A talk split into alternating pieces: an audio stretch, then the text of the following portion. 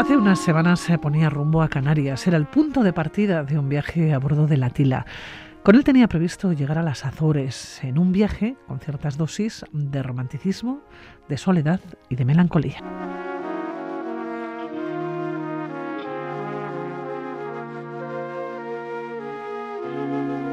Y de las Azores a Bilbao, Xavier Bañuelos, ¿dónde estás ahora mismo? Aquí lidiando con las olas, porque en el Atlántico y camino ya de, Bilbao porque bueno salimos hace un par de días de, de, Ponta Delgada, la capital de la isla de San Miguel, la isla digamos más grande del archipiélago de las Azores.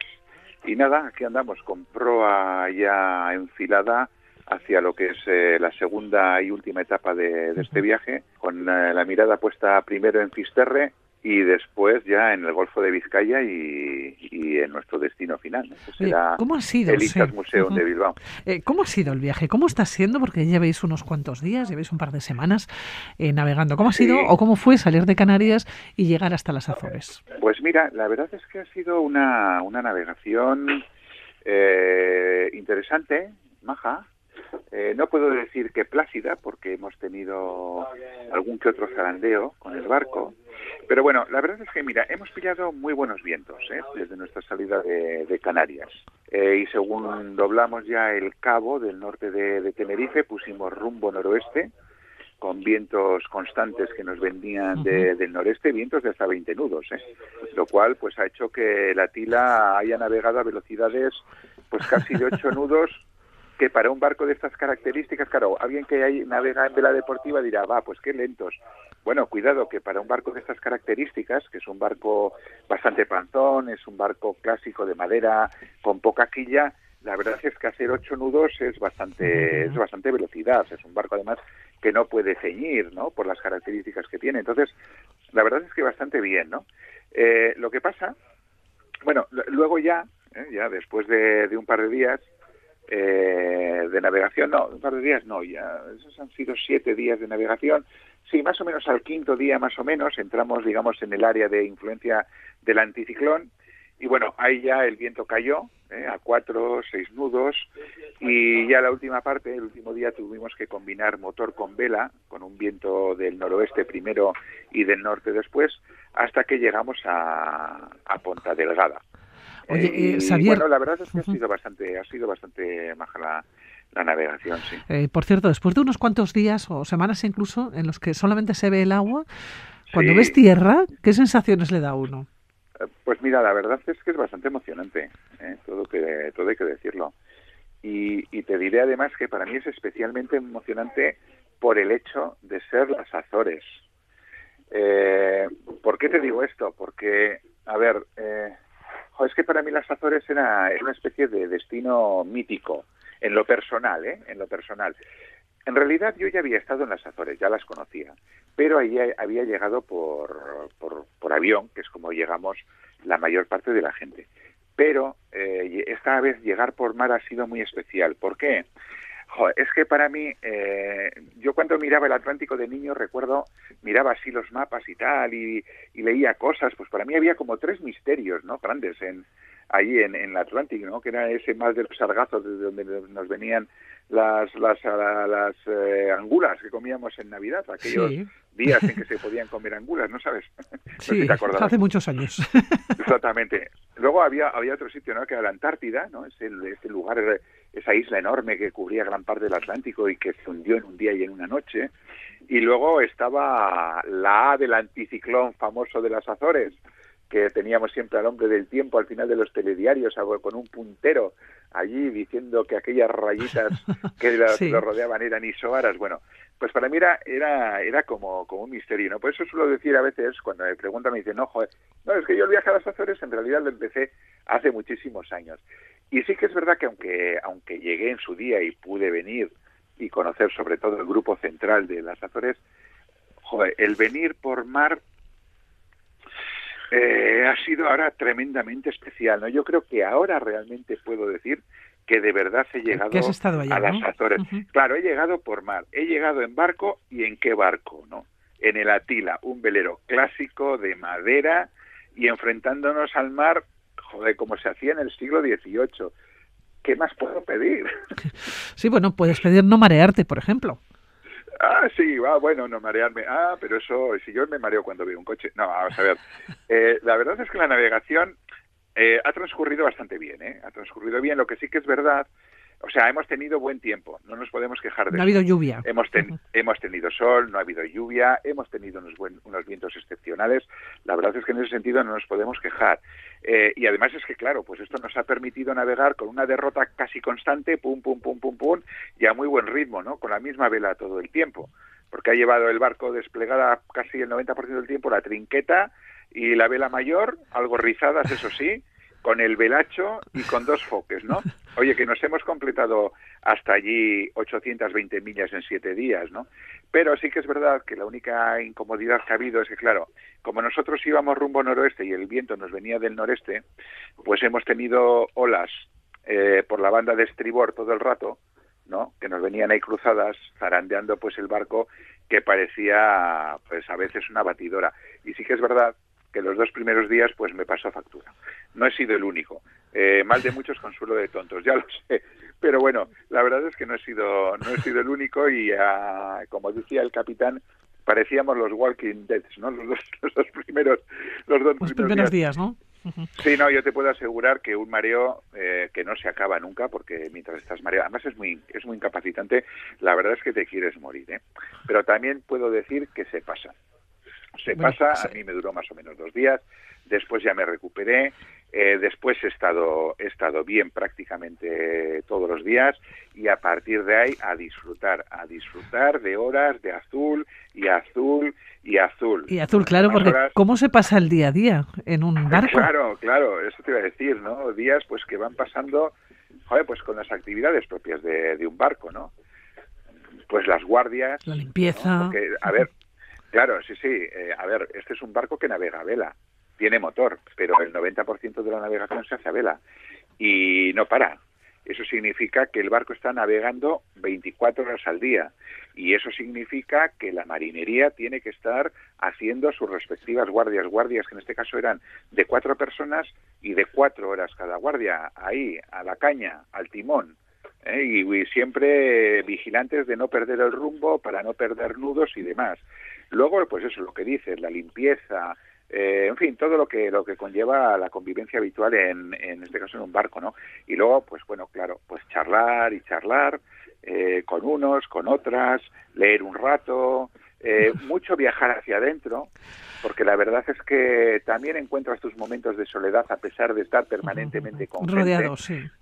Sí, pero, pero encuentras, ¿no? Encuentras incluso momentos para contemplar el infinito, ¿no? Y, bueno, y te, te, surgen sentimientos de todo tipo, desde sentimientos que van que van desde la ansiedad por ver tierra, ¿no? Porque dices, joder, quiero ver tierra, pues hasta el, no sé, hasta el deseo de seguir perdido en el mar, ¿no? O sea que, fíjate, son dos cosas muy contradictorias, pero vamos, y puedes llegar hasta, qué sé yo, hasta tener momentos místicos, ¿no? Lo que sí te puedo decir, eso... Que no te has aburrido, ¿no? Exactamente, que no me ha aburrido, pero ni un poquito. Ahora, también es verdad, te voy a decir que yo es muy difícil que me aburra, ¿eh? eh porque vamos, yo no me aburro ni aunque quiera. Pero, pero bueno, prescindiendo de esta característica personal mía, que es una de estas pedradas que todos tenemos, lo cierto es que, que no, que no, es que no te da tiempo ni a aburrirte, la verdad. Y luego, pues que van ocurriendo cosas. Que, claro, van ocurriendo cosas. Estás navegando y de repente, ¡pas!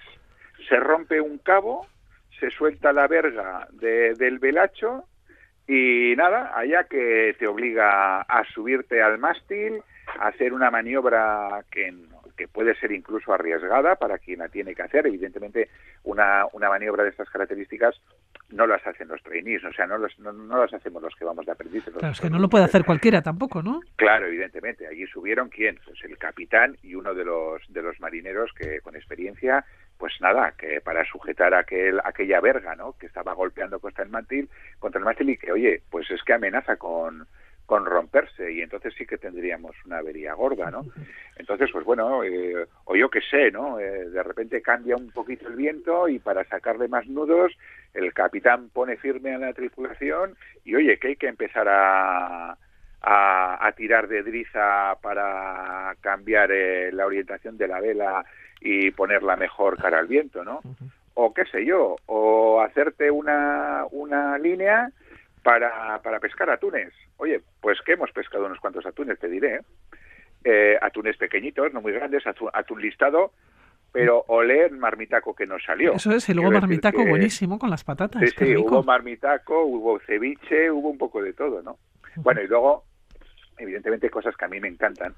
Pues ya sabes que si a mí algo me gusta es la naturaleza y me gustan los animales y me gusta mucho la observación de fauna y además soy miembro de AMBAR, de la Asociación para la Protección del Medio Marino aquí de, Euskal Herria, y, hemos tenido la suerte de tener varios avistamientos de cetáceos, que ha sido una gozada. Delfines, ballenas. Exactamente. Eh, a ver, eh, fíjate, de hemos tenido tres avistamientos, bueno, en realidad de delfines hemos tenido más de tres. Lo que pasa que, digamos, cercanos al barco y que hayamos podido identificar la especie, tres. La verdad es que muy contentos, ¿eh? muy contentos porque eh, bueno, por lo menos yo, me emociono con estas cosas. Oye, Xavier, hace dos días eh, que salisteis desde la isla de San Miguel, de Ponta Delgada. Hablaremos más adelante de las Azores, pero vamos a situarlo un poquito. Vamos a situar la isla. claro, en los pocos minutitos que nos quedan, vamos a situar la isla. Hacemos un repaso, vale. Pues mira, la isla de San Miguel, a ver, las Islas Azores, que están en mitad del Atlántico, más o menos a unos 1.500 kilómetros de, de, Portugal, de la costa continental. ¿eh? Por lo tanto, estamos hablando de un aislamiento eh, radical, o sea, están muy lejos de, del continente. Bueno, y se, entonces este, el archipiélago se estira desde el este hasta el oeste, o, si queremos ser más precisos, desde el suroeste, digo, perdón, desde el sureste hasta el noroeste, alrededor de 600 kilómetros, y está eh, dividido en tres grupos. El grupo oriental, el grupo central y el grupo eh, occidental, ¿vale? El del grupo occidental, Corvo y Flores, que están muy alejadas y están ya en la placa en la placa americana. Luego está el, curvo, el, grupo central, que son Pico, San Jorge, Graciosa, eh, Fayal eh, y Terceira. Y luego está el grupo oriental, que son dos islas más un islote, San Miguel y Santa María, y luego eh, Illeo das Formigas, pero que es un, digamos que es una roca ahí plantada en mitad del mar, que está sin, habitar, salvo aves marinas. Bueno, eh, yo ya conocía el grupo central, y la verdad es que yo, cuando lo conocí en su día, me enamoré de las Azores. Bueno, pues esta vez, para mí, también ha sido nuevo, porque en esta ocasión hemos llegado a San Miguel, no concretamente a su capital, a Ponta Delgada. Y la verdad es que tengo que decir, joder, que, es, eh, que me ha encantado. Me ha encantado la isla ¿Cómo, es Ponta Delgada? Pico, Terceiro y demás.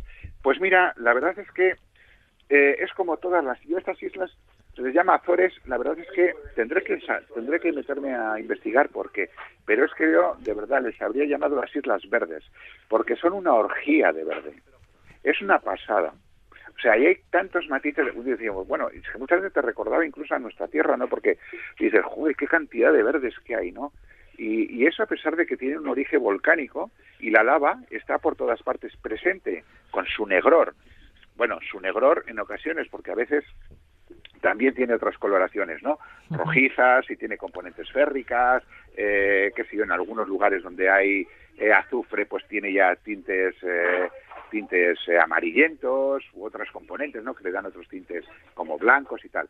Pero la verdad es que este contraste del verde intenso, que en algunos lugares, sobre todo donde hay donde hay brumas en el centro de la isla, ¿no? que suele ocurrir de una de una bruma, no, no nos tenemos que olvidar de que estamos en la Macaronesia, que es la, son las islas de la Nubliselva, ¿no? De la eh, claro, pues es que no sé, llegas un, llega un momento y dices, es que esto es, es que esto es una, una selva y hay, hay hasta a mí me recordaba a veces a Nueva Zelanda, ¿no? Porque había eh, eso, eh, eh, mira, me salía la palabra en inglés, ferns, eh, helechos arbóreos, ¿no? Que parecía que estabas en Gondwana, en, en Parque Jurásico, ¿no?